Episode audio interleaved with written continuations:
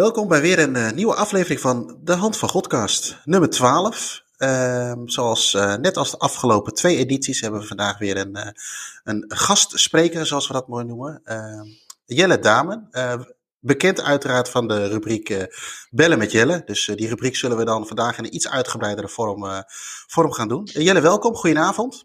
Dankjewel, goedenavond. Jij, jij zit nu op dit moment in in Praag nog altijd, in mijn, in mijn appartementje in het centrum. En, uh, ja. ja, ook hier is het, is het sneeuwig, maar ja, verder uh, ja, is het, moest je toch veel binnen blijven, dus uh, veel maakt het nog niet uit.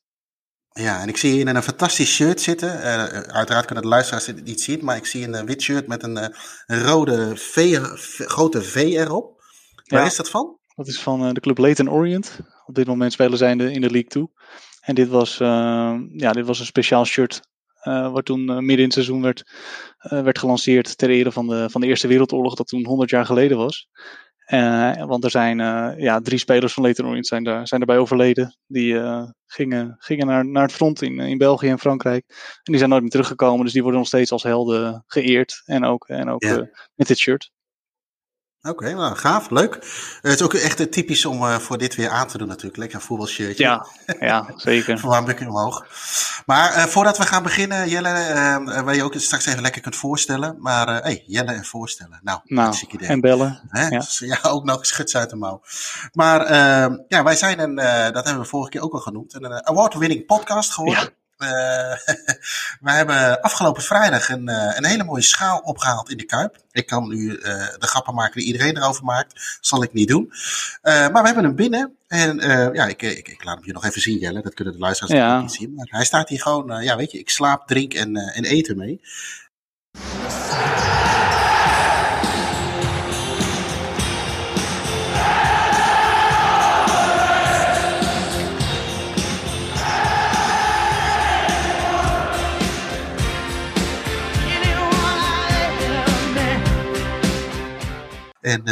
Gaat hij mee uh, naar kantoor en dan krijgt hij een mooi plekje tussen alle andere voetbalprularia. Ja.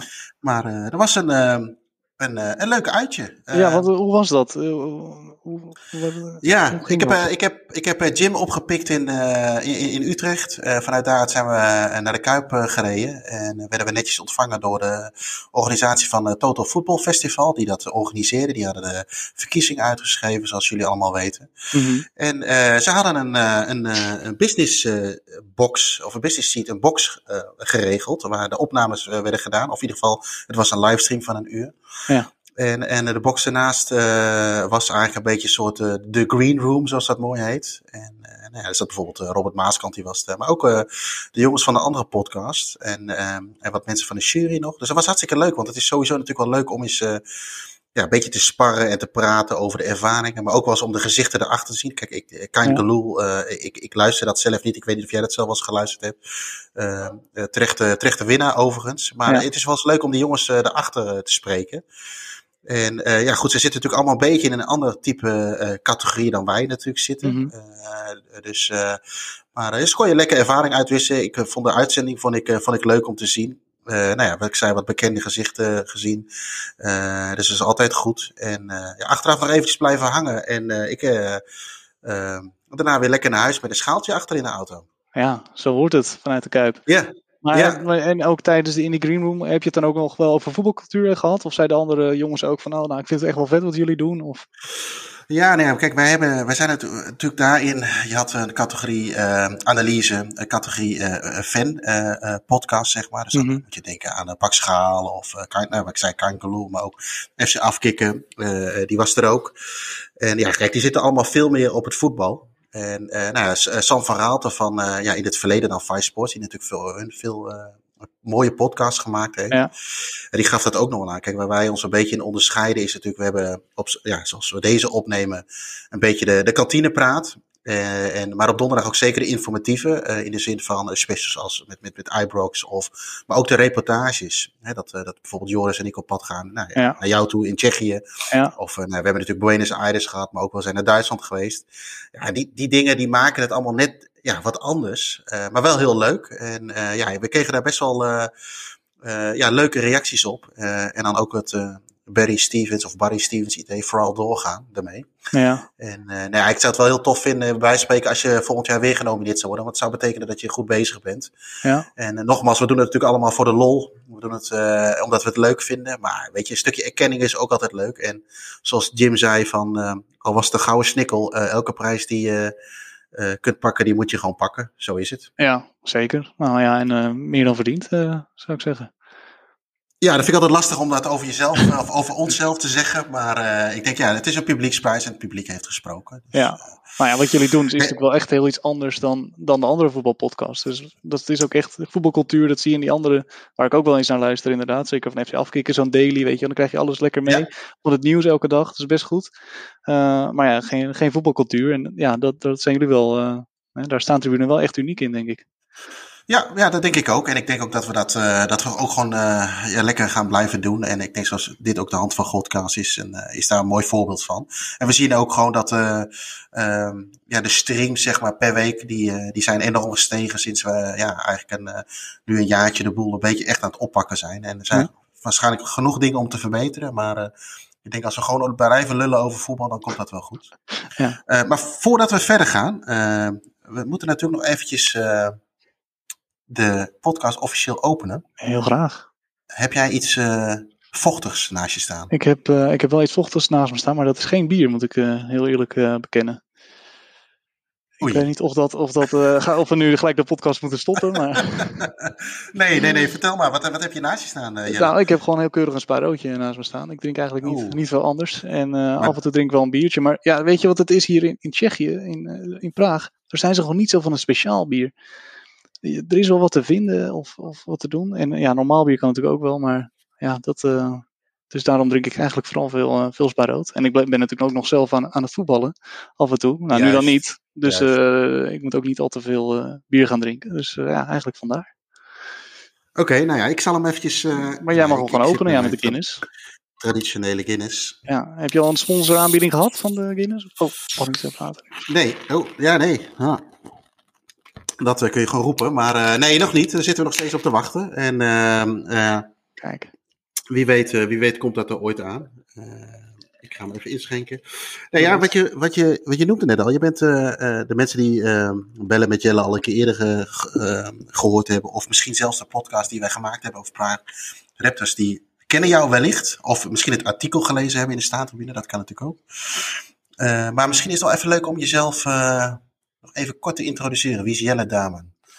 Ja, wie is Jelle Damen? Ja, nee, ja, ik heb uh, vroeger, of ja, eerst gewoon altijd gewoon in Nederland gevoetbald bij SV Hillegom, waar ik ook uh, gewoon altijd woonde en uh, ja, naar school ging, zeg maar, en in de jeugd. Dus dat ging allemaal, was allemaal hetzelfde. Ja, na een tijdje, dan had ik toch zoiets van, ja, ik werkte al en ik, ik dacht toch van, ja, ik, ik wil nog een keer naar het buitenland en ik wil nog een keer een avontuur aangaan, want ja, nu kon het nog, ik woonde nog thuis bij mijn ouders.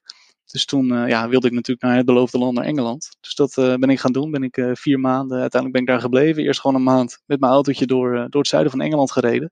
En daar allemaal stadions en, en wedstrijdjes aangedaan. Hè. Vooral wedstrijdjes eigenlijk op laag niveau. En dan de stadions van de Premier League. Of bijvoorbeeld bij Portsmouth mocht je dan even naar binnen kijken. Allemaal dat soort dingen. Ja. Ben ik daarheen geweest. toen ben ik uiteindelijk ben ik blijven steken in, in Falmouth. Dat is helemaal in het zuidwesten van, van Engeland, in Cornwall. En, uh, maar ja, daar is het best wel lastig om, uh, om een baan te vinden. Dus ja, daar was ik uh, een paar maanden aan het doen. Maar ja, daar is gewoon niet zoveel in de buurt. Uh, dus ik heb daar vooral lekker veel wedstrijdjes bezocht. En ja, dat is daar echt op een laag niveau. Dat is, ja, Falmouth Town is wel heel mooi. En dan heb je nog Truro City, die spelen dan op het zesde niveau volgens mij van Engeland. Nou, dat is dan eigenlijk de hoogste club van Cornwall. Uh, en Plymouth is dan ook nog in de buurt. Dus daar kan je nog een beetje. Ja. Dat is ook wel een mooi stadion natuurlijk. Um, dus, maar ja, toen dacht ik toch van ja, ik wil wel uh, een passende baan vinden. Dus nou, toen ben ik verder gaan kijken in Europa. En toen kwam ik, uh, kwam ik bij, uh, bij Praag terecht, waar ze naar Nederlandse mensen zoeken. Er zitten hier ook best wel veel expats, dus ook heel veel Nederlanders en ja, heel veel Europese landen worden hier vertegenwoordigd.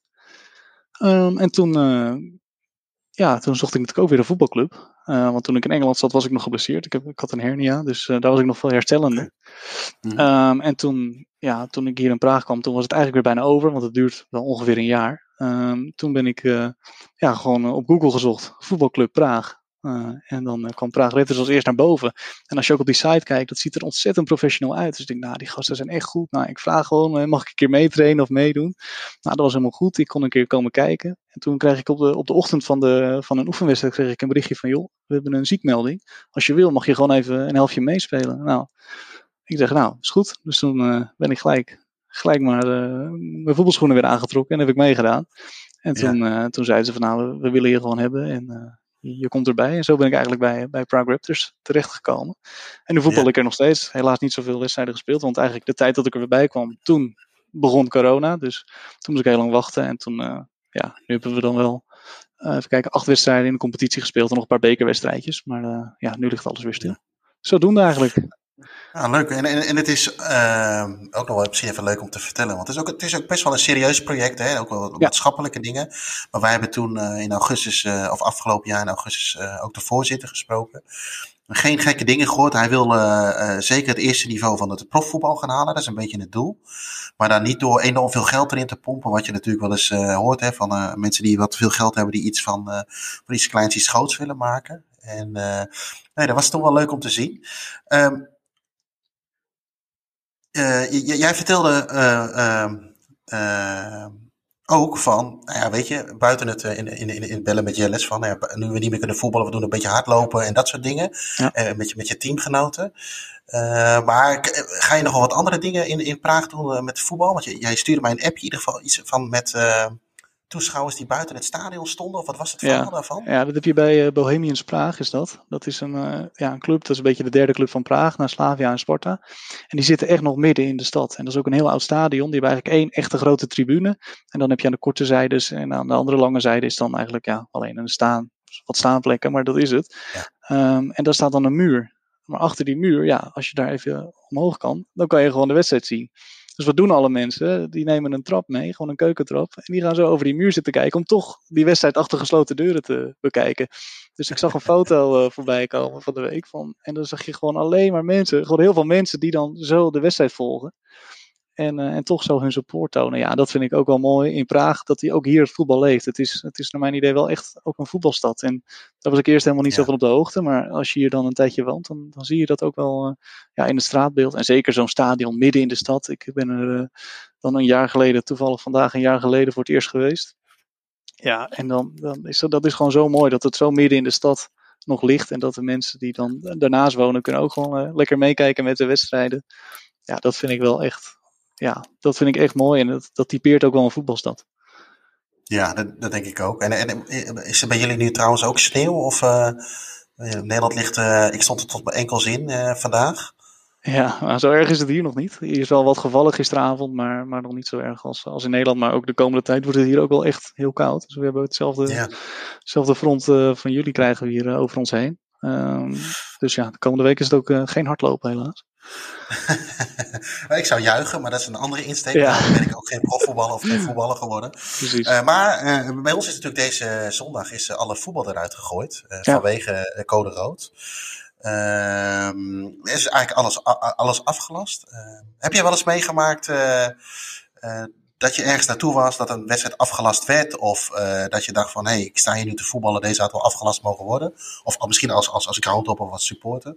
Ja, ja, nee, ik heb, uh, toen ik in Engeland was, toen heb ik het één keer gehad. Maar dat had ik waarschijnlijk gewoon zelf niet, niet goed op zitten letten. Toen ging ik altijd dus naar, uh, naar de Truro City bijvoorbeeld, wat dan in de National League South uh, speelt.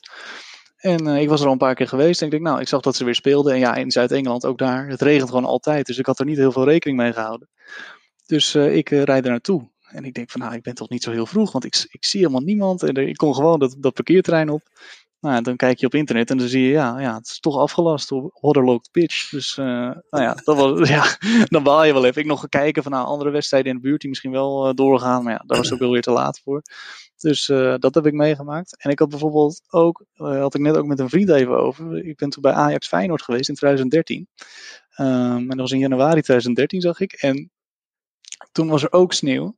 Maar die wedstrijd ging gewoon door. En ja, hoe dat precies kwam, weet ik niet. Maar toen kwam er allemaal sneeuw. Die kwam van het dak. Dat viel naar beneden. Zo op de, oh, ja. op de trainers en, en, wisselspelers. Dus ja, het, wij zaten aan de andere kant en we zien zo in, in ene zo allemaal dat sneeuw naar beneden komen. Ja, en toen, ja, daarna ook was ook chaos met treinen. En toen uiteindelijk heeft mijn vader ons opgehaald. Want we stonden echt gewoon een paar uur daar op het station en we konden echt nergens heen. Nee. Nee, dat zijn, dat zijn wel. Uh, ja, heel vaak maken we dat natuurlijk niet, niet hier mee. Ik, ik kan me wel heugen dat. Uh, Cohet moest ooit een keer een uitwedstrijd spelen uh, tegen VVV. En dan ging ik met vrienden gingen we met de trein die kant op. Ja. En uh, ja, toen was het ook, ook slecht weer. Volgens mij was het ook iets van, van, van sneeuw of iets dergelijks. En uh, wij, zitten in de trein, we stappen, ja, dan wordt het dan Deventer, Arnhem en dan van Arnhem naar, naar het zuiden, gok ik zo een beetje dat dat het was. En uh, nou, halverwege de reis, uh, we hadden eigenlijk, nou, wij stapten eigenlijk in, in Deventer op en we hadden afgesproken met een groep uit Apeldoorn. En die zouden dan eigenlijk dus halverwege ergens een keer ontmoeten. En uh, maar die, die, gasten die zaten niet in de trein, dus toen waren de communicatiemiddelen, hadden we zeker al wel een mobiele telefoon, alleen nog niet met appen en dat soort dingen. Mm En nou, halverwege dachten we, nou, laten die gasten maar eens bellen. Misschien, dan moeten we misschien even ergens uitstappen. Wachten we daar even, drinken een paar biertjes en dan stappen we de volgende weer in. Misschien hè, in, het wil nog wel eens voorkomen als je met veel mensen afspreekt dat iemand een trein mist. Waardoor de groep een hele, hele trein mist. En, uh, maar die, uh, die, die, uh, we kregen het bericht terug dat die in Zutphen er al uit waren gestapt. Omdat ze hadden gehoord dat VV Eagles eruit lag. En toen dachten we, ah shit. En wij zaten al ergens volgens mij bij Nijmegen. En toen dachten we, ja, we kunnen twee dingen doen. We kunnen uitstappen en, en, en we gaan terug naar, ook naar Zutphen toe. Gaan we daar een biertje drinken. En toen hebben we eigenlijk besloten om te kijken wat er nog meer op het programma stond. Toen hebben we in Nijmegen onze kaartjes uh, om kunnen zetten richting, uh, richting Eindhoven. En toen hebben we daar uh, Eindhoven-Haarlem gekeken. het mooie aan dat verhaal is, wij namen toen vroeger nog wel eens de camera mee, naar wat beelden op voor. We hadden toen nog, een, nog een website. En daar zetten we toen wel eens wat op. En dan zou je denken, Eindhoven-Haarlem, dat is ja, wat is dat voor wedstrijd? Dat was het eigenlijk ook. Maar we zaten op de, niet op de hoofdtribune, maar de lange zijde er tegenover. Mm -hmm. En ineens uit het niets, en ik weet niet of je Eindhoven, het stadion van Eindhoven ken je natuurlijk wel aan de, aan de hebben natuurlijk achter de goal, hebben ze, uh, hebben ze geen tribune zitten.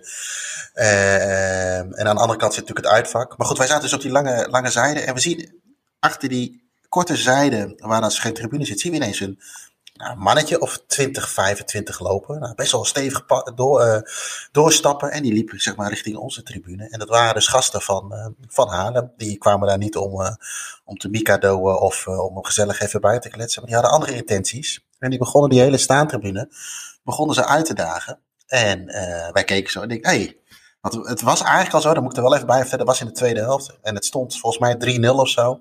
En toen zei een van ons ja jongens, kom we gaan, we gaan weg. Het is allemaal, uh, allemaal, uh, allemaal leuk en aardig. Maar we bleven toch, uh, we zeiden eigenlijk met de rest eigenlijk van, nee, nee, we blijven zitten, we gaan niet eerder weg. We hebben een kaartje en bla bla. Nou, uiteindelijk was, werd het dus beloond, want die gasten die kwamen er dus aan. En het werd gewoon, het werd gewoon klepperij, zoals dat tegenwoordig mooi heet. die gasten die daagden die hele lange zijde uit met van, nou, dat kunnen we hier wel maken in Eindhoven. Maar toen stonden er toch op de lange zijde wat, uh, wat oude, grote jongens op. En die werden even vakkundig uh, weer uh, terug het stadion uitgebonjourd. Dus, dus zo heb je af en toe met de afgelaste wedstrijden wel een wel, wel leuk iets. Dat was uiteindelijk leuk. Ja. En we hadden alles op beeld. Dus dat was toen een, een soort van hitje op het, op het internet. Op ja. alle sites die er toen bestonden. Ja, ja zeker. Dus dat was wel leuk. Ja.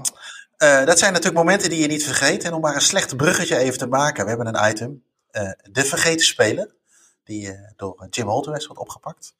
Uh, daar gaan we nu even naar luisteren.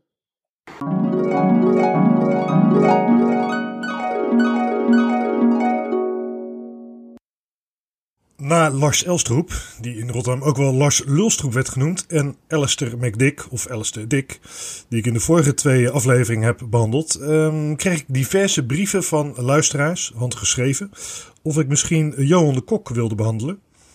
Ja, nu wil ik niet uh, lullig doen, maar Johan staat toch lager in de pikorde wat betreft vergeten voetballers. Hij is toch een uh, redelijke carrière gehad, dus ik denk niet dat mensen hem echt vergeten zijn. Er waren ook wat mensen die, uh, die stelden voor dat ik Kokjol zou doen. Nou heb ik niet de pik op, op Kok, maar ja, het is toch de assistent van Martin. En ik wilde eigenlijk alleen voetballers doen. verder waren wat mensen die noemden nog wat namen, vond ik eigenlijk allemaal slap gelul. Uh, er waren opvallend veel Ajaxiden, en dat is serieus waar. Die stelden voor om als vergeten voetballer Sebastian Haller dan maar te doen. Uh, nou, uh, op zich goede optie, maar uh, ja, ik vond eigenlijk na de vorige aflevering hebben we genoeg Amsterdamse sausje over de hand van Godkas gegooid. Dus ik vond het tijd worden voor een Eindhoven sausje. En toen ik de naam noemde in uh, onze groepsapp van deze podcast, uh, toen zei mijn staantribune collega en PSV-fan Joris Kaper, nou, die is toch helemaal niet vergeten. Ik zei, nou, dat denk ik wel. Want uh, Frans Verrooy, om hem gaat het, het talent van het jaar 1985, was weliswaar een hele goede voetballer. Maar ja, hij heeft het niet gered bij PSV. Ik denk dat het grote publiek in Nederland althans hem niet meer kent. Uh, PSV had natuurlijk een, een, een geweldige selectie in die jaren waarmee ze zes keer kampioen zijn geworden in zeven jaar en de Europa Cup hebben gewonnen. Maar veel spelers kwamen van buiten, dus ik had ook best wel moeite om een vergeten voetballer van PSV te bedenken. Maar de eerste naam die me te binnen schoot was Frans van Rooij, omdat hij in Nederland het niet echt gered heeft. hij was geen baasspeler bij PSV. En ja, hij werd op een gegeven moment na een paar jaar een jaar of vier dat hij, na vier jaar dat hij zijn debuut had gemaakt, werd hij uh, uitgeleend, verhuurd aan Royal Antwerp. Moet ik goed zeggen, ik moet niet zeggen FC Antwerp, ik krijg ook uw brief over. Samen met Berry van Aarle. Nou, Berry uh, en hij uh, die, die gingen naar Vlaanderen. En nou, zoals bekend, Berry die ging terug naar PSV. Want ja, de rechtsbackpositie was minder sterk bezet. Maar ja, Frans had op het middenveld Gerald Vanenburg, Frank Arnees, Søren Leby. Dus daar kwam hij niet tussen. En uh, hij bleef in Antwerpen. Nou ja, dat, dat was een geweldige zet van Royal Antwerpen. Want hij had een geweldig overzicht, balbehandeling. Zijn techniek was fenomenaal. Hij deed alles met buitenkantje links. Ben ik achtergekomen bij de research van dit stukje. En uh, nou was er wel eens uh, vraag over zijn levensstijl, zeg maar. ja, ook Berry van Aalen die heeft later in een interview met Rick Elfrink, wat ik tegenkom, als PSV-watcher, heeft hij gezegd, ja, ik had niet altijd de indruk dat hij, dat hij er alles uithaalde. En uh, ja, goed, hij stak wel eens een sigaret op met de meer uh, voetballers. Hij was ook een lolbroek, dus het was een soort type van de grijp eigenlijk. Uh, maar niet echt een prater. En ehm, ja, hij voelde zich kennelijk op zijn gemak in Antwerpen. En hij was daar de grote man. Ook andere mensen bij PSV in datzelfde artikel die benadrukken zijn, zijn van de grijpachtige neigingen. Dus bijvoorbeeld hij zei dan kastje. daar riep hij altijd als hij de bal op, de, op zijn borstkast stopte. En ehm, ja, eigenlijk is er niet zo gek veel bekend over hem. Want hij heeft natuurlijk in die jaren in, in, in België gespeeld. En ik zocht een soort andere invalshoek voor het stukje. En als ik aan een Royal Antwerp denk in, in de jaren 80, dan denk ik toch als eerste aan de wedstrijd tegen Vitosha, Vitosha als ik het goed uitspreek, Sofia, tegenwoordig Levski Sofia. Nou, Belgische luisteraars die weten onmiddellijk waar ik het over heb, want uh, dat is daar uh, heel bekend. Er wordt nog vaak gesproken over het mirakel van Vitosha. Ik moet eerlijk zeggen dat ik er zelf tot een jaar of tien geleden nog niet van gehoord had. Ik heb het dus destijds ook niet gezien, dus ik ben het dus op gaan zoeken. En ja, wat denk je? Een goed idee komt nooit alleen. Dus ik zag dat mijn staantribune-collega Frank Heijnen het een keer bij een eindsignaal heeft behandeld. Dus ik ga toch nog even, maar ik ga toch nog even kort behandelen, want je moet het een keer gezien hebben. Zoek het op op uh, YouTube. Op 26 september 1989 speelde dus Antwerp tegen Sofia. De uitwedstrijd in Bulgarije was 0-0. En in Antwerpen werd al na zes minuten werd het 0-1. Uh, vervolgens raakte iemand van Antwerpen geblesseerd, waardoor ze met tien mannen kwamen te staan. Ze hadden al twee keer gewisseld en toen de tijd was twee man wisselen het maximaal uh, toegestane. En in de 83e minuut werd het 1-1 weliswaar, maar twee minuten later werd het 1-2, weer twee minuten later werd het 1-3. Dus toen was het eigenlijk al gebeurd, zou je zeggen. Er gingen ook al mensen naar huis. Antwerp speelde ook niet goed. Frans van Rooij dus, want hij speelde natuurlijk wel. Hè, om even terug te komen op onze vergeten voetballen. Die speelde eigenlijk een draak van de wedstrijd.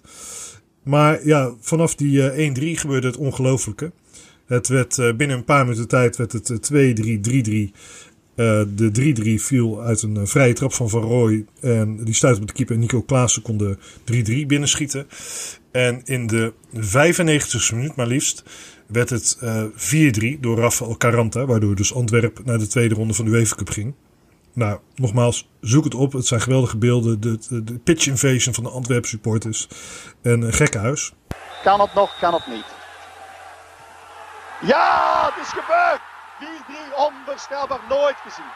Onvoorstelbaar. En wie is het? Quaranta. Het is Quaranta.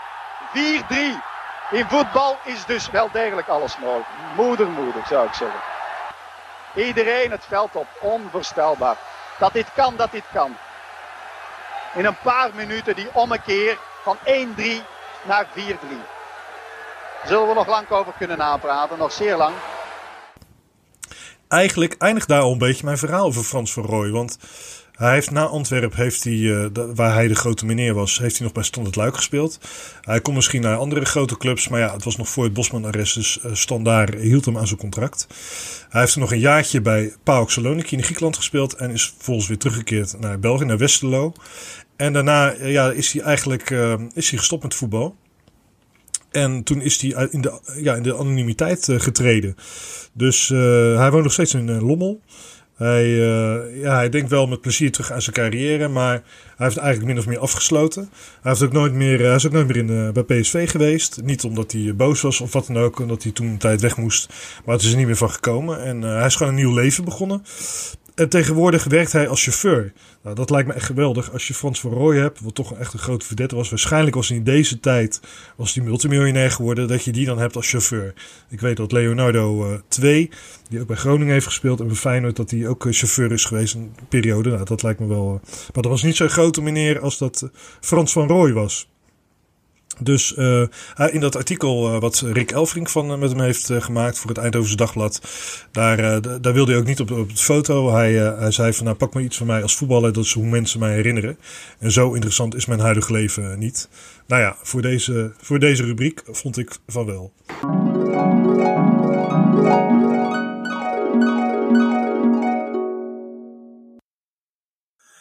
Frans van Rooij, Jelle, zeg jij dat nog iets?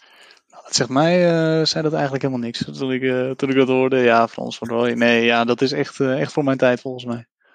Ja, ja ook, ook nog wel een beetje voor mijn tijd. overigens wel leuk om nog even te vermelden dat het wel goed is dat Antwerpen weer de ploeg van het stad is na vandaag. Uh, ja? Beerschot Antwerpen was vandaag. Ja, ik heb het gezien. tien minuten voor tijd stond het volgens mij nog 1-0 en toen 84 en 87 minuut volgens mij was het, was het raak. Ja. En dan is, het wel, dan is het volgens mij bij dat soort wedstrijden wel jammer natuurlijk dat er, dat er geen publiek is. Ja, zeker. Uh, maar uh, nee, ja, ik, ik ken hem alleen van de, van, van, van de verhalen uh, als dit en van, van, ja, van de voetbalplaatje. Het is ook net even iets nog voor mijn tijd. Zeg ja, maar. ja, precies. Maar, altijd goed om te horen. En altijd goed om te horen dat de Jim Holteres uh, ook enorm fan is van uh, Seth Gaikema met, uh, met fantastische woordgrappen. hey, ja, nee, maar het is een heel, heel mooi verhaal inderdaad. En, ja, en bij, bij Antwerpen, ja, daar, dat vind ik wel echt een mooie club ook in België. De ploeg van het stad. En ja. dat is wel echt mooi op die oude bosuil. op de tribune 2 heb ik een keer gezeten. Ja, die, dat is ook. Die wedstrijd had ook wel misschien afgelast moeten worden. Was tegen Standard Luik toen uh, een paar jaar geleden. En toen ja, werd er ook weer af, of uh, werd ook gestaakt en allemaal vuurwerk en, en allemaal spreekkoren. En, maar dat is daar volgens mij gewoon elke week zo. Toen nog, met publiek. ja, dus ja. ondanks dat ze het publiek denk ik wel missen bij Antwerpen, doen ze het wel vrij goed. Nog altijd in de competitie. Dus ja, dat, ja ik denk dat dat ook wel een beetje een. Een aan de ene kant is dat hun kracht, aan de andere kant is het België altijd wel een beetje een gekke competitie natuurlijk. Maar uh, nee, ja. ik vind het ook wel uh, vind het een mooie club, mooi staan. En ik ben ook benieuwd hoe dat straks gaat in de, in de nieuwe omgeving. Sowieso met die nieuwe tribune natuurlijk. Ja. Maar ook als straks tribune 2, ja weet je, uh, jij en ik als nostalgische voetballiefhebbers, die gingen natuurlijk voor tribune 2. Ja. En als dat vervalt, is natuurlijk een stukje van de, van de is natuurlijk is, is weg. Ja, waar, zeker. Waar, waar, wij, wij er als liefhebber voor kwamen. Maar misschien, als we de sfeer weten te behouden, kan het nog wel eens een keer een leuk uitje worden. Uh, iets anders, wat mij deze week opviel, was uh, Sebastian Abreu. Uh, ik kende hem, ja, ik, ik, ik, ken hem nu al, maar ik ken hem vooral vanuit de Championship Manager. Oh. Een spits die je aantrok, die redelijk makkelijk scoorde. Ja. Maar het nieuws is dat hij zijn veertigste club ja, een contract bijgetekend heeft. Ook 40 verschillende clubs. Ja, dat is toch wel bijzonder. En hoe oud zou, zou hij nou zijn? Zou ook wel dik in de... Hij was 44, 44. zag ik. Ja, dus echt 44. ongelooflijk, ja. Maar het was de 30ste club, dacht ik hoor. Als ik eventjes, de 30ste uh, club? Ja. Oh, sorry. Dan, ja. dan heb ik alweer fake nieuws verspreid. Maar in ieder geval nog steeds een hele hoop. ja, zeker. Uh, dat is natuurlijk, ja, dat is natuurlijk bizar. Ja. Dat zo'n jongen nog, nog steeds aan een contract komt. Want ik weet, niet, ik weet niet of je de statistieken misschien voor je hebt. Maar is het nog steeds zo'n doelpuntenmachine? Mm, nou, hij heeft wel een clubmachine, maar ja, qua doelpunten valt het volgens mij wel, wel mee. En hij was volgens mij ook al, is hij al gewoon een tijdje trainer geweest. Uh, maar ja, nu wil hij toch weer, terug als speler. Maar hij is ook 44, hè? dat kan je toch niet bij. Ja. Dat je dan nog steeds uh, voetbalt. En ik zie uh, dat hij in 12 landen heeft gespeeld, op vier continenten, allemaal dat soort dingen. Dat is echt, ja, in 27 jaar duurt zijn carrière al. Dat, dat zijn echt hele rare statistieken. Eigenlijk is het gewoon een vinker, zeg maar. Maar dan op, uh, pakt dit iets anders aan. Ja, het is echt een groundhopper. En hij probeert zo, zo, zoveel mogelijk zelf uh, die hops te doen door zelf in die wedstrijden te spelen. Ja, dat is wel heel erg mooi. Ja, en toen we het daar we hadden, natuurlijk, we hadden het er even over van, ja. goh, waar kunnen we het vandaag over hebben? En toen kwam je ook nog met een verhaal aan over ook nog een, speler die bij veel clubs gezeten heeft. Uh, kijken of ik het goed uit kan spreken, maar Carlos Henrique Raposo. Ja, heel mooi. Wat voor, wat voor gast is dat? Want ik heb het verhaal even gelezen, maar misschien kun jij dat vertellen. Dat is echt, echt een bizar verhaal. Ja, nou, dat was een paar jaar geleden, was mijn artikel inderdaad in, in VI over, over die Carlos Henrique Raposo. En dat was eigenlijk ja, de voetballer die niet wilde voetballen. Die uh, had wel in de jeugd in Brazilië, had hij, is een Braziliaan. Uh, had, hij, had hij wel goed gevoetbald. En toen kreeg hij al de bijnaam Keizer, omdat hij dus uh, heel erg op Frans Beckenbauer zou, zou lijken. Uh, maar eigenlijk vond hij dat voetballen vond hij helemaal niks. Maar hij wilde wel graag die fame, hè, dat, ja, dat wilde hij wel graag, graag mee, mee hebben. dus ja, hij heeft, toen heeft, is hij altijd maar vrienden geworden met, met journalisten en met spelers. En dan ja, op een of andere manier wist hij zich altijd bij een club uh, binnen te praten. En die heeft gewoon twaalf jaar, twaalf jaar lang een carrière, of uh, veertien jaar lang misschien wel, een, uh, een carrière gehad. Bij heel veel clubs, heel veel in, in Zuid-Amerika, in, bij Mexico ook, en in, in Frankrijk. maar hij heeft amper gespeeld en hij deed er gewoon alles aan zodat hij maar niet hoefde, hoefde te spelen. Hij, hij deed alsof hij geblesseerd was en dat hij heel lang moest, moest, weer moest optrainen voordat hij kon spelen. Uh, als hij moest invallen, dan ging hij ruzie zoeken met, met fans. Uh, en dan vechten zodat hij, zodat hij met rood van het veld werd gestuurd. Het zijn allemaal hele rare verhalen. Maar hij vond het gewoon leuk om, om voetballer te zijn. Maar hij wilde er niet voor voetballen. Ja, daar moest ik eigenlijk wel, wel meteen aan denken toen het over die, die Abreu ging. En uh, ja, als je dan ook die carrière van deze man uh, kijkt. Kijk, die Abreu die kon wel echt nog voetballen. Die heeft ook gewoon allemaal interlands uh, gemaakt. Maar ook dit is een soort, is ja. een soort groundhopper. Um, alleen die wilde echt alleen maar kijken naar die wedstrijden. Die wilde zelf niet spelen. Want hij had toch ook bij, uh, bij, bij Braziliaans elftal had hij toch ook een paar jongens zitten die, waar hij goed mee overweg kon. En dat die, dat die jongens ook zeiden van, ja, weet je, hij kon fantastisch lullen. En dat was ook zijn kwaliteit. En hij kwam op de meest gekke feestjes. En uh, wat hij heel veel deed, hij wilde altijd inderdaad iedereen voor zijn. En uh, ook heel veel dingen regelen, waardoor hij die status natuurlijk, uh, natuurlijk kreeg. Ja. ik zit even te denken, welke voetballers, welke generatie is dat geweest? um, nou goed, maar maak ook niet uit. Misschien komen we er zo nog even op. Maar jij zei ook, er is ook een film van gemaakt. Ja. Of een documentaire. Nee, ja, ook een, ja, een, soort, een soort film en, en, documentaire erover. En dan, dan zie je ook dat al die, die mensen, die zitten er nog steeds in interviews te zeggen, dat die, die keizer, dat dat echt een hele goede Braziliaanse voetballer was. Ja, en dat is echt, dat is echt ongelooflijk. Dus ik moet die film nog maar, uh, maar een keer kijken. Volgens mij is dat wel, uh, wel een aardige uh, film. Heet Keizer en dan The Greatest Footballer Never to Play Football.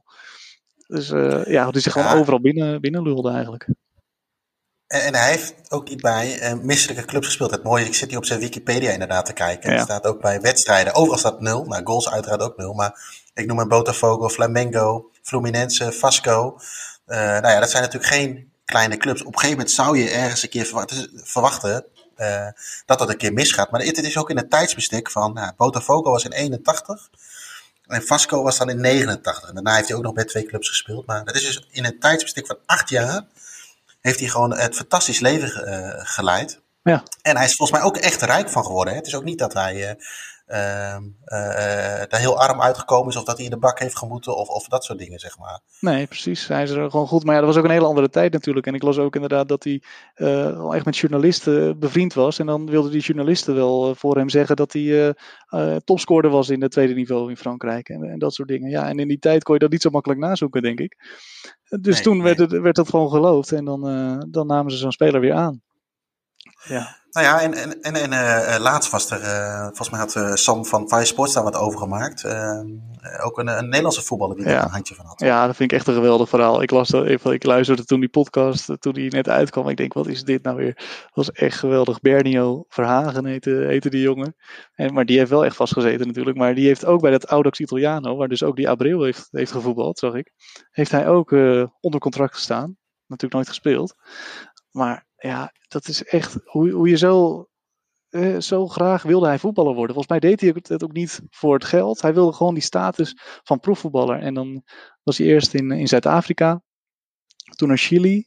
en daarvoor was hij dan nog ergens echt een club in Moldavië of zo. Het, was, het waren ook hele vage clubs natuurlijk, die dan maar zoiets, aan, zoiets aannemen. En, maar ja, hij had natuurlijk wel echt goede, goede fraude gepleegd. Dus dat is dan weer wat minder.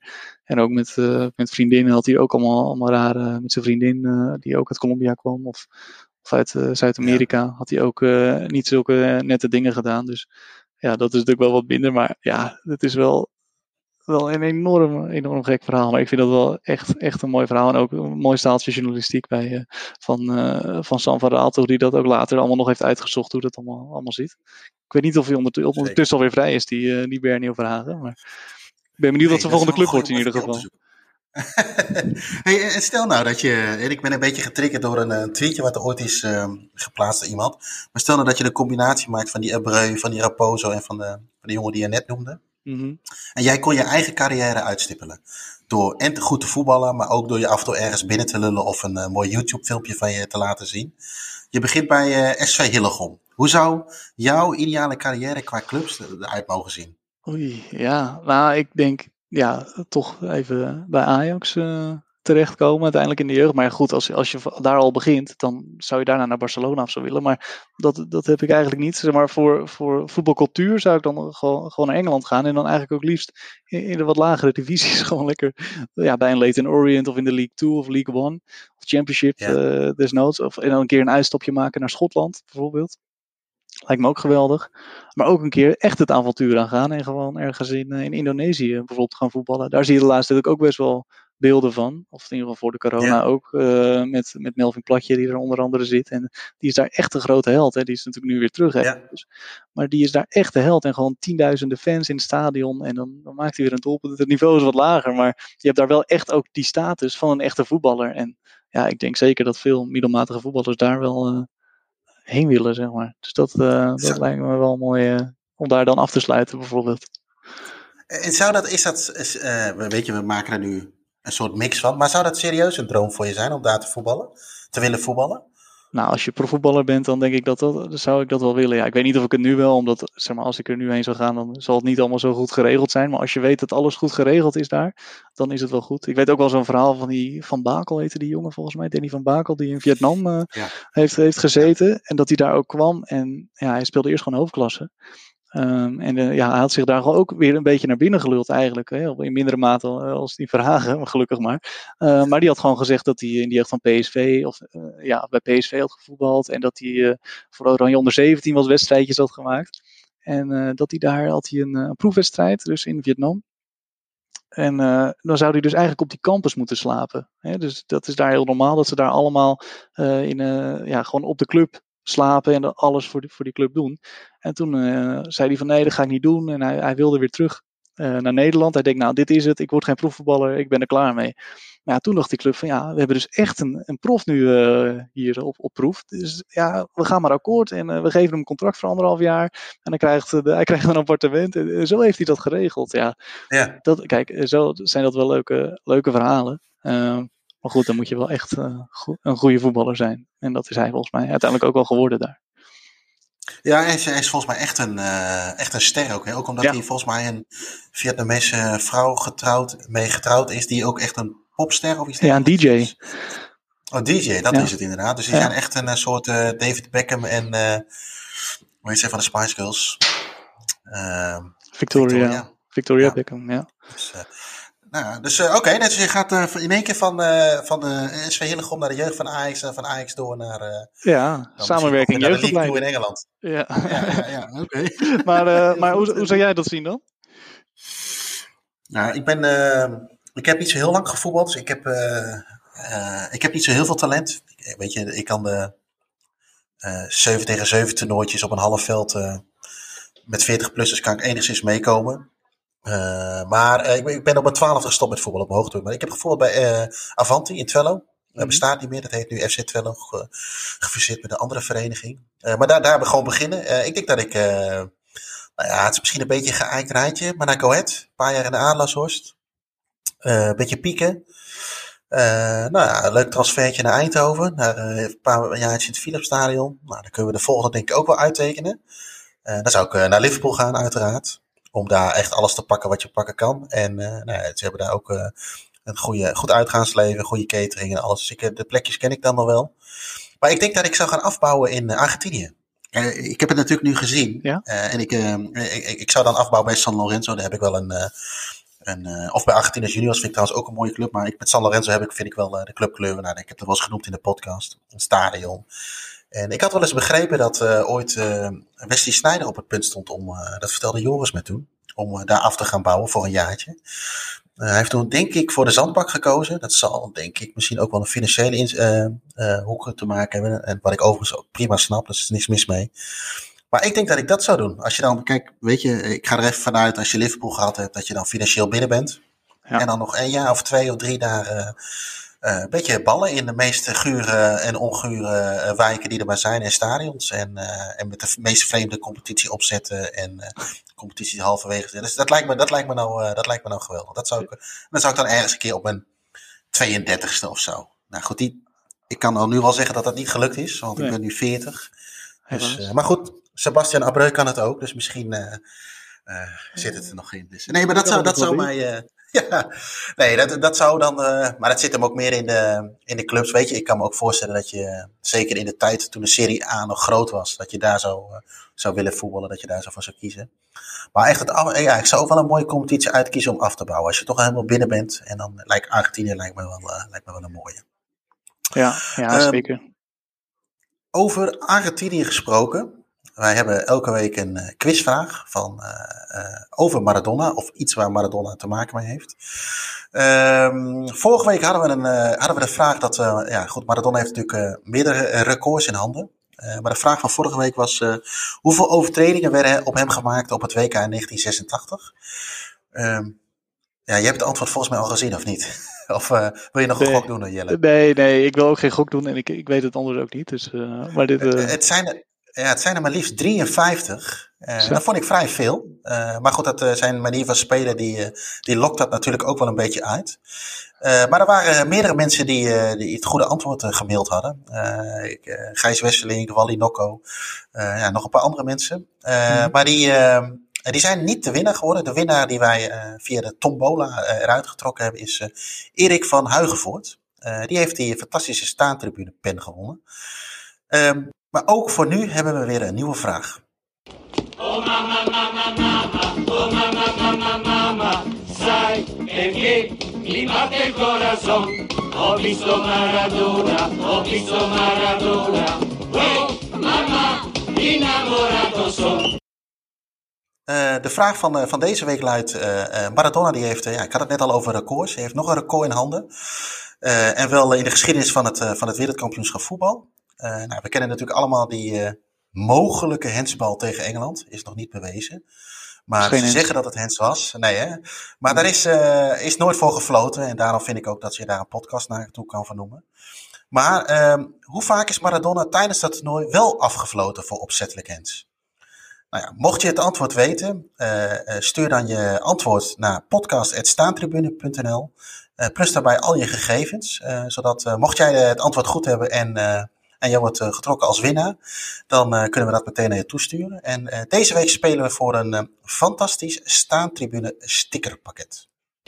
Oh mama, mama, mama, oh mama, mama, mama, sai perché mi batte il corazon. Ho visto Maradona, ho visto Maradona, oh mama, innamorato son.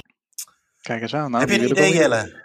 Nou, ja, ze hebben er natuurlijk wel een, een, een hele mooie hensbal hebben ze gemist. En dat is misschien ook maar goed ook, want het is natuurlijk wel uh, een legende geworden. Uh, maar verder, ja, het, het, zal toch niet heel vaak zijn dat hij dat met de hand uh, aan, de, aan de bal zit. Maar uh, ja, ik, ik, zou, ik zou het niet weten. Misschien drie, vier keer of zo gewoon. Nee. Nou, ik zou zeggen, stuur het naar podcast. Ja, ik ga, ik ga meedoen. Ik wil die stickers hier hebben.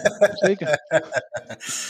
Hey, um, over, uh, over WK's gesproken. Vorige week waren we even aan het, aan het bellen.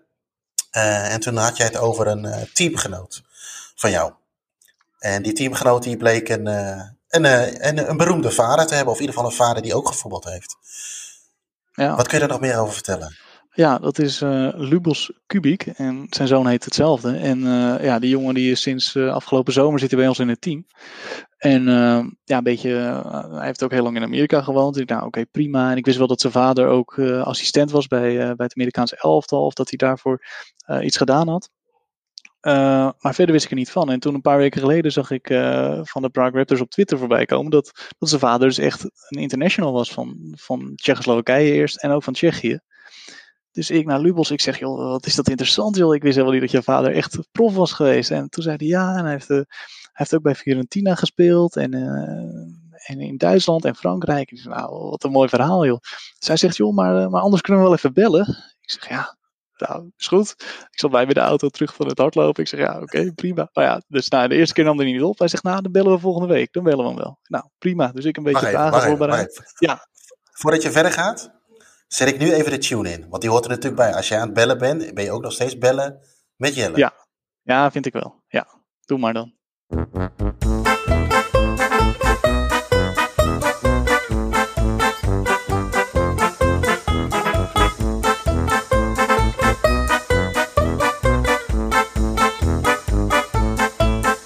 Ga door. Ja, maar heel mooi. Keurig. Nee, dus uh, ik bellen met, uh, met die man. En, uh, en wat blijkt nou? hij heeft best wel een gekke carrière ook gehad. Want hij deed best wel goed in die tijd in Tsjechoslowakije toen hij jong was. In de jeugd zat hij ook bij, bij, het, bij dat jeugdelftal. Toen heeft hij een keer zelfs een, een, wedstrijd of een toernooi gespeeld in Groningen. Uh, in, ook tegen Nederland in de finale. En dan weet hij bijvoorbeeld nog dat hij dan tegen Gerald Vanenburg heeft gespeeld. Of daarmee heeft gepraat. Of, en dat hij zo goed was toen. En, maar toen was hij 17 of zo. Nou ja, dat zijn wel echt. Uh, dat, soort, dat soort verhalen krijg je dan. Maar goed, um, hij deed best wel goed in Tsjechië. En toen was volgens mij in 1988. Of ja, zeg maar net nog dat het, dat het communisme daar, daar was. Maar ja, hij wilde graag naar Europa. Hij wilde daar voetballen. En via via kon hij dan naar, naar Derby County in Engeland. Uh, maar ja, hij moest dan wel het land ontvluchten, want je mocht er gewoon echt niet, echt niet uit in die tijd. Dus wat had hij gedaan? Ze hadden een interland uh, in West-Duitsland uh, in die tijd. En dan, dan nemen ze je paspoort in. Nou ja, dat is natuurlijk wel een probleempje. Maar goed, hij ging toch, toen ze in West-Duitsland uh, die interland hadden gespeeld, is hij toch gevlucht. en en is hij daar toch ja, weg, weggekomen van, van het regime in die tijd. Uh, maar goed, hij had geen paspoort. En uh, uiteindelijk is hij dan daarna wel in Engeland ook terechtgekomen. Maar toen de UEFA daarachter kwam, hebben ze hem voor een jaar geschorst. Oh. Dus die, ja, die spelen dus dan toch ook weer mee met dat uh, politieke spel. Of ik ja. weet niet hoe dat, ja. hoe dat toen is gegaan. Dus hij, hij werd voor een jaar geschorst. Ja, en Derby County die trok ook de stekker eruit. Dus ja, daar zat hij dan in Europa. En ja, hij kon verder niks doen. Nou, heeft hij een jaar heeft hij in, in Spanje getraind voor zichzelf. Uh, en toen kwam Fiorentina uh, bij hem. Die wisten van, nou ja, die, uh, die schorsing die loopt af. En daarna mag hij gewoon bij een club tekenen. Dus dat is wat anders dan een verkeerd pilletje nemen. Maar dan heeft hij ja. ook die schorsing uitgezeten. En toen, toen mocht hij dus eindelijk weer voetballen. En daar, daar, ja, daar heeft hij het gewoon heel goed gedaan. Heeft hij met, bijvoorbeeld met Baggio heeft hij daar gespeeld. En ook tegen de grote Maradona, waar we het natuurlijk net al over hadden. Ja. Ja, en nou ja, daar had hij ook al een mooi verhaal over. Hij zegt van ja, we hebben toen uh, met Fiorentina moesten dan uh, tegen Napoli. En uh, ja, eigenlijk de hele week op de training ging het erover van, nou ja, hoe gaan wij Maradona, hoe gaan wij die uitschakelen? Hoe gaan wij die verdedigen? Dus na nou, hele week trainen, trainen, trainen, Maradona, Maradona, dit, dat. En ze komen daar bij het, bij het stadion aan en, en ze kijken een beetje naar de, naar de tegenstanders. En ze denken, we, zien, we zien die Maradona helemaal niet. Hoe kan dat nou? Dus nou eens een beetje vragen van, joh, ja, waar is Maradona? En die spelers van Napoli, die zeggen, ja, geen idee, we hebben hem ook al drie dagen niet gezien. Dus ja, dat is echt, dat is zo mooi. Dus ja, en dan hebben ze waarschijnlijk die wedstrijd nog verloren ook. Want ja, je, je hele tactiek is natuurlijk gebaseerd op die ene man. En, uh, ja. Maar goed, hij heeft later heeft hij wel ook echt, of, of daarvoor heeft hij ook wel tegen, tegen Maradona gespeeld. En schijnt zelfs een keer een shirtje geruild te hebben, maar dat hij dat shirtje wel kwijt is. Dus ja, dat, uh, dat wist hij allemaal niet, niet meer heel goed uh, te vertellen, helaas. Maar ja, dat soort verhalen, dat, dat vind ik wel echt, echt mooi. Hoe je dat dan hoort van zo'n man. Ja, wel gaaf. En, en die, die, die, want ik zit even te kijken, hè. hij heeft inderdaad bij Fiorentina, ook een beetje in de toptijd van de, van de Serie A. Eind jaren ja. 80, begin jaren 90. waarschijnlijk heeft hij ook het hij heeft ook op het WK gespeeld in Italië. Denk ik dan in 90. Uh, uh, Tsjechoslowakije, gok ik zo. Ja, als het goed is, uh, moet hij daar ook gewoon gespeeld hebben. Inderdaad. Ja, uh, daarna, daarna naar Metz en Nuremberg. Daarna komen wat uh, Tsjechische ploegen. Maar daarna is hij naar de Verenigde Staten gegaan. Ja. Chicago Fire. En ja. volgens mij is, is hij daarna ook nog wat wat teams gaan trainen. En daar viel er er eentje op. Torquay United. Ja, dat, dat, viel mij ook op inderdaad. Dus ik had hem daar ook naar gevraagd. Ik zeg van, joh, maar ik zie dat u eh, ook bij Torquay United heeft, heeft getraind. Nou ja, het bleek dus dat hij daar die voorzitter, dat die hem kende. En dat hij daar zo eh, terecht is gekomen. Ik zeg maar, eh, haalde je dan ook Tsjechische spelers mee? Of hoe ging dat? Hij zegt, nee, ja, want er was helemaal geen geld in die tijd. En ze speelden toen nog in de, in de League toe. En hij zegt, ja, we hebben bijna alles verloren. En het, het ging heel, heel erg slecht. En het was ook moeilijk met de taal. En, en het is zo'n andere cultuur natuurlijk, zei hij ook. Dus dat was gewoon heel lastig. En uiteindelijk is hij toen ook, eh, ja, na een weinig eh, succesvolle periode, is hij is daar ontslagen. Maar hij zegt van, ja, ik vond het wel echt een mooie tijd. En eh, ik heb er veel van geleerd. Maar dat, dat viel mij ook op inderdaad. Dus ik heb hem daar ook zeker, zeker naar gevraagd hoe dat, hoe dat daar was. Ja, Goed dat, zeg. eh, een en, eh, ja. Want hij is, hij is nu, zie ik hier staan, hij is eh, assistentcoach van het nationale team van de Verenigde Staten. Dus dat zegt Wikipedia. ja, volgens mij is hij er al mee gestopt.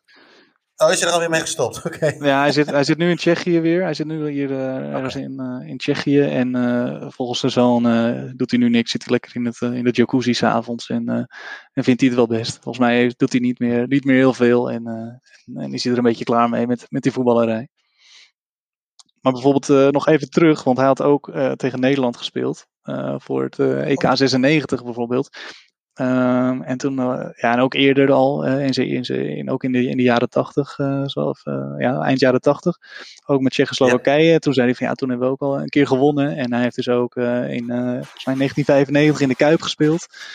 Hij zegt van ja, die, gasten, ja, die waren echt goed, weet je wel. Nederland was eigenlijk veel beter. En uiteindelijk eh, hebben ze hem wel op 0-0 weten te houden. Maar hij zegt ja, we werden helemaal weggespeeld. Maar, maar ze wisten niet, eh, niet te scoren gelukkig. En hij was ook echt een soort, een soort libero. Achterin stond hij altijd. En ook bijvoorbeeld dat hij ook tegen Gullit had gevoetbald. En dat dat altijd zo'n hele eh, sportieve voetballer was. En, en ook al die andere, die, die namen die hij dan noemt. Ja, dat is wel echt, echt top. En ook in, de, in dat jaar het EK 96 haalden ze toen de finale tegen, tegen Duitsland. Toen, ja, en toen verloren ze daar. Maar ja, dat zijn, eh, daar, dat, toen speelde hij ook gewoon. Zat hij ook bij die selectie. Dus hij heeft wel echt. Het is wel echt ook echt een goede voetballer geweest. Dat, was wel, dat is wel echt mooi. En hij, ja, en hij heeft een hele mooie periode ook meegemaakt, als ik dat zo hoor. Als Ja. je tegen dat soort jongens, of met dat soort jongens kunt voetballen, hè, Batjo, eh, tegen Maradona, tegen Gullit. En eh, dan heb je de Ja. crème de la crème, denk ik, wel een beetje gehad. Hè. Ja, ik zeg dat er nu geen mooie voetballers zijn, maar qua nostalgie zijn dat toch wel een beetje de grote, grote namen, zeg maar. Ja, en zeker voor een Tsjech. cool. Want Ja. eh, voor, voor Tsjechoslowaken eigenlijk hè, in die tijd. Want hij was echt bijna de enige natuurlijk die op dat moment in Europa zat. Dus hij kwam natuurlijk gewoon echt in zo'n Italiaanse eh, team. Misschien Braziliaan of zo. Maar natuurlijk niemand van zijn eigen land. Dus eh, hij, dat was ook wel, wel lastig voor hem. Maar ja, hij is wel echt een pionier geweest denk ik op dat gebied. Ja, en is zijn, zijn zoon dan nog extra trots daarop? Of is die, eh, ehm, eh, ja, of, of houdt hij daar een beetje afstand van? Van, Nou, nou, weet je, ik ben...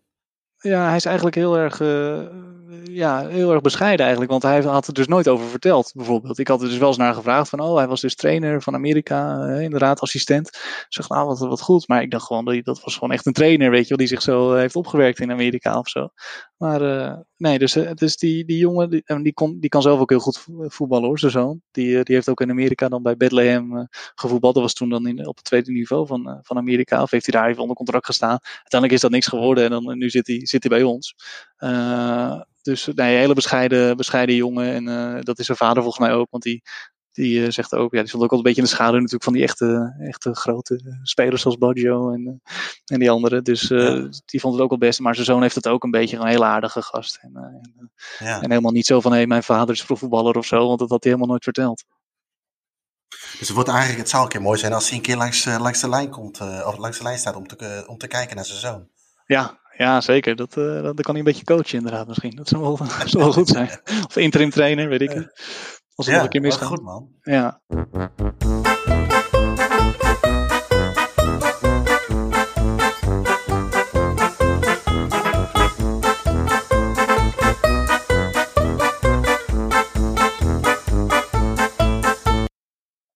Hey, hey, eh, we hadden ook nog wat, eh, wat vragen van luisteraars gekregen. Ja. Eh, die heb ik eventjes verzameld. Eentje daarvan is natuurlijk van de vorige gastspreekers, Ino en Roy van Diepenveen. Eh, die hadden een, eh, een vraag voor jou van, we hadden het al een keer gehad over wat vind je nou positief bij jouw rivaal, hè, bij, Ja. je, bij je aartsrivaal. En zij zeiden eigenlijk van welke speler van jouw rivaal had je wel bij je eigen team willen zien spelen. Nee, jij bent volgens mij Ajaxiet. Ja. Zeg ik dat goed? Nou ja, wel, ja eigenlijk wel. Ja.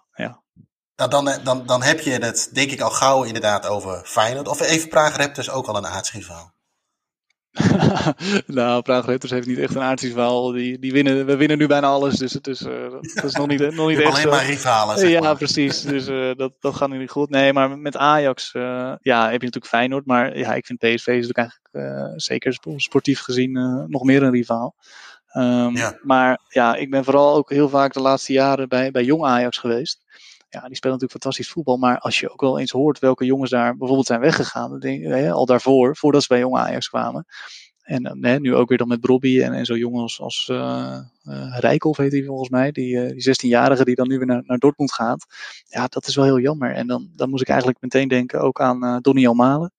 Die ging ook van, van Ajax naar Arsenal toen hij heel jong was.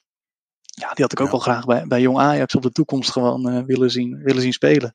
Uh, hetzelfde als Bergwijn, die natuurlijk nu ook uh, echt wel goed doet bij, bij Tottenham. Ook die komt uit de jeugd ja. van Ajax, uit de jeugd van Ajax vandaan. En zo heb je natuurlijk wel heel veel spelers die dan uit de jeugd van Ajax komen. Maar dan denk ik denk van ja, die had ik dan ook nog wel even bij Jong Ajax willen zien. Omdat, ja, dat was echt, dat, omdat het zijn zulke goede voetballers. En die zie je dan eigenlijk op een heel amateuristische omgeving zie je dat dan op de toekomst zitten ja. misschien een handjevol mensen, nou 300 mensen zitten daar te kijken en je krijgt gewoon heel goed voetbal te zien. En zeker als je dan ook nog dat soort spelers zou hebben, ja, dan, zou, dan zouden ze nog een keer kampioen worden, denk ik. Maar uh, ja, dus daar moest ik eigenlijk uh, aan denken. En uh, heb jij dat ook voor, voor PSV? Of? Ja, nee, ik zat er, ik, toen ik die vraag hoorde, zat ik er ook wel even over na te denken. En dan, ik, dan baseer ik het even puur op de tijd die ik zelf bewust heb meegemaakt. Ik, ik had altijd wel een, een, een, een, een, bepaald gevoel bij, bij Liedmanen. Ja. nou is het ook het verhaal natuurlijk dat Liedmanen bij PSV is afgetest.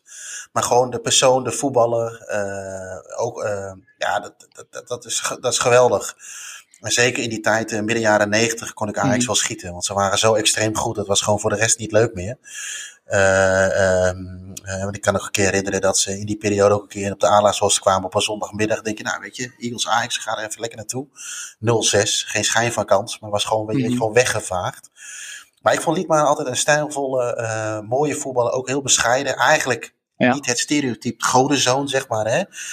waar, waar, waar, waar uh, een beetje het, de arrogante houding of het ja. vooruithouding, hoe je het ook wil noemen. Uh, gewoon heel timide. En, en hij heeft dat later natuurlijk een beetje goed gemaakt doordat hij bij Liverpool is gaan voetballen. Maar ja. ook daar is hij, is hij ook zo ontvangen, zeg maar. Hè? Is hij ook zo, hij was natuurlijk wel veel geblesseerd. Maar die had ik wel, die had ik wel bij PSV willen zien voetballen. blijft natuurlijk altijd de vraag, maar dan worden we voetbalinhoudelijk en dat gaan we niet doen. Maar of die ook zo gerendeerd had in het PSV van toen als in het Ajax van toen natuurlijk. Ja. Dus dat, ja. dat, blijft altijd lastig. Maar dat, dat, uh, dat, dat is wel zo'n voetballer waarvan ik dacht van, nou weet je, daar, uh, dat vind ik nou echt een mooie voetballer. En natuurlijk weet je, uh, jongens als Bergkamp en, en de tandem met Jong, dat was allemaal, allemaal fantastisch. Maar ja. ik vond Liedman, dat vond ik daar echt wel, echt wel. Ja, ook als persoon. Dat die er gewoon denkt, gewoon ja, meer, ja. ja, niet zo arrogant en, en dat soort dingen. Maar ja, wat ik ook bijvoorbeeld eh, van PSV, die dan echt naar Ajax, die ik zou dan misschien graag in een Ajax-shirt zou willen zien. Dan heb ik bijvoorbeeld uit, uh, als wat langer geleden kijken naar, naar zo'n Gomez, een Aurelio Gomez. Die gewoon elke bal eruit haalt uh, op doel met die, met die armen ja. van, van twee meter uh, spanwijdte volgens mij. En dan die, die Brazilia, Braziliaan ja. Alex ervoor, die verdediger. Ja, dat was echt, toen ze ook die Champions League haalden volgens mij. Ja, dat was echt niet normaal hoe goed dat was toen in die tijd. Dus ja, dat soort spelers zeker. denk ik dan ook aan. Ja, Oké, okay. uh, we hadden ook nog een vraag van, uh, ja, het blijft een beetje in de gastsprekers. Uh, Hugo Stam, die ja. zat twee weken geleden, ehm, was hij de gastspreker. Die had op Twitter gereageerd van, nou ja, goed, jij speelt bij Praag Raptors. noem jij eens wat jij het mooiste vindt wanneer het aankomt op voetbalcultuur? De Cabanos, een tribune uit 1921 of, het, of een shirt? Wat vind, jij, wat vind jij het mooiste als het aankomt op voetbalcultuur? Nou, hier in Tsjechië, zeg maar, wat mij het meest is opgevallen, is dat het maakt niet uit hoe laat het is. Want je hebt hier ook heel vaak wedstrijden op het tweede of derde niveau, hè, waar ik dan hier, die ik hier ga bezoeken. Uh, en die beginnen om kwart over tien ochtends. Dus dat is best wel op tijd. En dan staat altijd staat de barbecue aan. En, uh, en de tap die loopt. Het is niet normaal. En iedereen staat gewoon met een biertje en een klobassa en zo'n zo'n worst uh, ja. in zijn handen. Ja. En, en dat nemen ze gewoon. En dan in de rust gaan ze nog een biertje halen. En het maakt ze echt helemaal niet uit. En ja, dat vind ik wel echt iets typisch Tsjechisch. Ook dat ze zo absurd vroeg voetballen. Maar, maar ook dat ze dan gewoon doen alsof het, alsof het vanavond is. En dat ze lekkere, lekkere bieren en, en de worst ja, verorberen. Dus ja, uh, ja dat, dat vind ik heel mooi. En ja, wat ook mooi is aan Tsjechië, en dat heb je natuurlijk in Nederland veel minder, is dat hier ook nog heel veel oude tribunes inderdaad staan. Dat is er ook al, uh, dat voetbalcultuur ja, in de hoogste divisie, Slavia heeft ook best, hè, een nieuw stadion, uh, Sparta ook wel. Uh, maar zo'n maar zo'n Bohemians, ja, dat speelt nog steeds in dat stadion je daar. En ook op het tweede niveau, derde niveau, daar zitten gewoon clubs die spelen daar gewoon ja. al honderd jaar. Ja, dat is echt mooi. Je hebt daar echt, uh, echt een paar mooie, mooie clubs. En dat maakt het ook zo leuk. En dat, dat zie je in Nederland denk ik wat minder met allemaal hele mooie, mooie sportparken. Daar heb je natuurlijk ook nog wel een paar dingetjes. Uh, maar ja, ja, dan zit er wel vaak zo'n heel sportpark uh, aan vast. Ja, nou, die vond ik uh, afgelopen zomer ook dan twee keer geweest in korte tijd. inderdaad, dat kwart over tien die aanvangstijd. Maar ook het, is, uh, rij, het is op reisafstand van Nederland prima te doen, zelfs met de auto. Je zou ook kunnen vliegen als dat wat, uh, makkelijk is, of als je in je eentje wil gaan of iemand wil niet rijden. Maar er is genoeg te zien. En uh, daarnaast ja, kun je met openbaar vervoer prima Praag uit, als je Praag als basis neemt. Uh, dus dat was, uh, ja, dat, dat vond ik ook wel tof. Hey, heb jij enig idee waarom dat om kwart over tien, is, is, dat, is daar een bepaalde reden voor? Dat het zo vroeg begint? Nee, ik heb geen idee. Ze vinden dat lekker volgens mij, om gewoon lekker vroeg die, die wedstrijden te spelen. Want het is echt, het is gewoon elke week eigenlijk. Het is, er zijn ook wel een paar wedstrijden s ochtends, maar ja, de meeste zie ik toch uh, dat ze zo vroeg in de ochtend beginnen. Dan moet ik misschien even, even nakijken waardoor dat komt. Maar ja ik, ja. ik sprak dus ook bijvoorbeeld met die Lubos. Ik zeg van nou, dat valt me zo op. Hij zegt ja, nou dat zou ik ook doen hoor. Als ik naar een wedstrijd ga, maakt me niet uit hoe laat. Ik neem een biertje en een worst. Zo wordt het nou eenmaal. ja, en die worsten die zijn uh, over het algemeen zijn ze, zijn ze vrij goed. Ja. Hey, ik, ik zag, uh, als ik uh, Lennart noem, komt er bij jou dan een glimlach ja. op je gezicht? Ja, wel een beetje ja. Ja, dat was mijn trainer in de, in de B1 volgens mij. Ja, zeg ik dat goed? Ja, volgens mij de B1. En uh, dat was toen uh, ja, het nieuwe SV Hillegom werd toen, dat was een fusie tussen SV Concordia en VV Hillegom werd dan gemaakt. En ja, dat was mijn trainer. daarvoor was hij ook al een keer mijn trainer geweest. En ja, die, die, zie, zie ik nou dus ook af en toe langskomen op, op Twitter inderdaad. Dus en uh, ja, die wilde me toen ook nog een keer uh, bij, een, uh, bij een club waar hij toen trainer was. Wilde die, vroeg hij of ik daar wilde, wilde spelen. Omdat ik speelde toen bij Hillegom vooral in tweede. Hij zegt, joh, kom ja. even, even een stapje lager. Dan, dan kan je altijd gewoon het eerste spelen. En dan dit en dat. Dus heb ik toen nog even over nagedacht. Maar, maar niet gedaan. Maar ja, wie weet in, in, de toekomst. Maar ja, het is wel leuk dat hij dat, hij dat volgt. En dat hij, dat hij nu luistert waarschijnlijk. Ja, ja zeker. Nou, goed man. Hey, we hebben nog een andere luisteraar, vaste luisteraar, Ron Koppens. Uh, die zei van, ik heb de eerste ground op alweer uh, langs zien komen op La Palma. Uh, welk land zal als eerste open gaan? Dus, ja, dat is de vraag aan ons. Denk ik. Nou, we zijn mm -hmm. natuurlijk geen virologen. Nee. maar la, laten we eens... nou ja, heb je een idee daarbij? Of, nou ja. Ik, vind dat heel lastig. Ja, kijk, je ziet natuurlijk wel in, bijvoorbeeld in Australië, dat, daar kunnen we zelf niet in, maar daar, daar worden wel weer gewoon wedstrijden met, met publiek gespeeld. En, en Nieuw-Zeeland, dus dat, dat stemt hoopvol. Um, maar verder ja, is dat wel heel erg, heel erg lastig en, en kijken uh, hoe dat gaat. Uh, ik denk dat het ook wel, ja, nou ja, dan gaan we over vaccins en zo praten. Maar ja, ik hoop gewoon dat we, dat we gewoon in Europa dat in ieder geval weer vrij kunnen reizen. En dat dan ook gewoon weer uh, ja. ja. de wedstrijden weer, weer beginnen. Want ja, we zitten hier natuurlijk in Europa allemaal best wel dicht bij elkaar met, met allemaal landen. Dus dan, dan kan je best wel veel uh, ground op in de buurt. maar ja, Wat zou jouw Spanje, eerste... Ja? Ja, wat, zou, wat zou jouw eerste zijn als jij uh, zegt van, uh, hey, weet je, alles gaat weer open? Heb jij iets, uh, of, maakt het jou echt niks uit al? Dan, is, dan zou het ook wel een club om, om de hoek kunnen zijn als je maar ergens naartoe kan. Ja, ik zou sowieso eerst even een clubje om de hoek nemen. Maar ik zou bijvoorbeeld ook, in Barcelona ben ik een keer bij CE Europa geweest. Dat is dan eigenlijk de derde club van Barcelona. Ja, dat is ook echt uh, ook midden in de stad en zo. Weet je. Ja, dat zijn wel clubjes waar ik dan uh, heen zou willen gaan. En ze staan nu ook best hoog in de, op het vierde niveau. Dus als ze dan echt ja. een mooie play-off wedstrijd hebben of zo straks uh, begin van de zomer of zo, dan, dan zou ik daar met een vriend hebben over gehad. Dan willen we daar echt, echt graag heen. Dus ik denk toch, toch wel daarin. Heb jij ook een, een land waar, ja. wat je, waar je gelijk heen wil gaan? Of? Nou ja, ik, uh, ik denk dat ik het wel eens eerder heb genoemd. Ik hoop uh, dat het, dat is heel gek misschien, maar het is Duitsland. Maar het zit er meer in uh, dat, dat er nu wat wedstrijden gespeeld worden in het Olympiastadion. Ja. Van München. Mm -hmm. En ik, dat hebben ze volgens mij nu voor. Ja, ik werd de vorige keer ook al. De Joris die corrigeer me erop. Corrigeer me erop. Maar dat is een, een, een, een, een, club op het vierde. Volgens mij derde. Wat is dat, dat, dat, dat Turkse team of niet? Ja, ja. ja.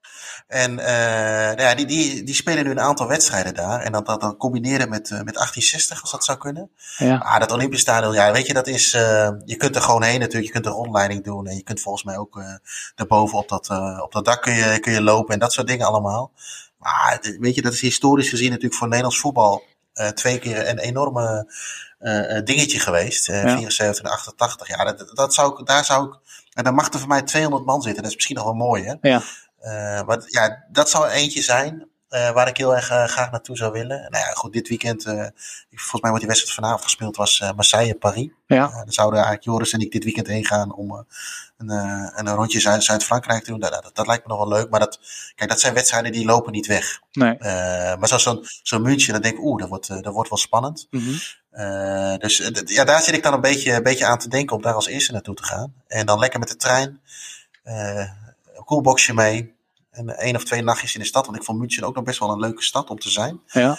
Uh, en, uh, dus dat, dat, zou het eerste zijn wat ik, uh, wat ik zou doen. Ja, maar dat is natuurlijk ook inderdaad wat je, dat je dan kijkt van, naar stadions die dan hè, tijdelijk gebruikt worden. Of die misschien bijna gesloopt worden. Dat je daar een beetje naar gaat kijken. Ja. Omdat zeker nu, en als er, stel er komt weer zo'n virus straks. Ja, dan, dan kan je er weer niet heen.